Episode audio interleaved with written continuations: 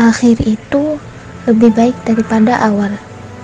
Tak semua yang baik di awal akan berujung baik di akhir. Tak semua yang buruk di awal juga akan berujung buruk di akhir. Karena terkadang yang bermula baik akan berujung buruk ataupun dengan sebaliknya. Walaupun banyak juga yang ternyata sesuai dengan jalan cerita yang disusun, yang pastinya berawal baik dan berakhir baik pula. Tapi, bukankah kita tahu bahwa di setiap semua rencana yang kita susun pasti ada campur tangannya Sang Maha Kuasa?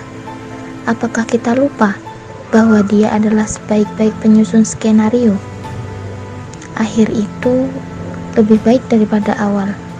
Yang menentukan adalah akhir hayat seseorang.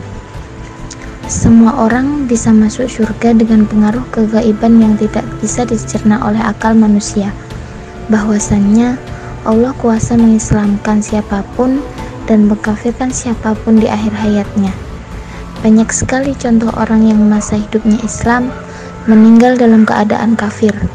Begitu pula banyak juga yang semasa hidupnya kafir, justru mereka diwafatkan dalam keadaan Islam dan husnul khotimah yang seperti itu merupakan hak mutlak Allah Ta'ala. Begitupun dengan misi-misi yang kita susun. Terkadang tak semua berakhir baik, tapi setidaknya sudah berikhtiar sebaik mungkin.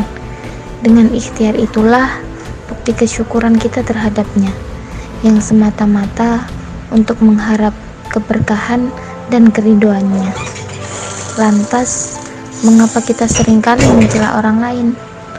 Bukankah akhir itu lebih baik daripada awal?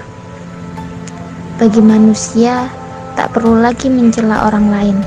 Meski seburuk apa pun orang tersebut, cukuplah mengawasi dirinya sendiri agar tak terjerumus dan bisa lebih baik dari waktu ke waktu.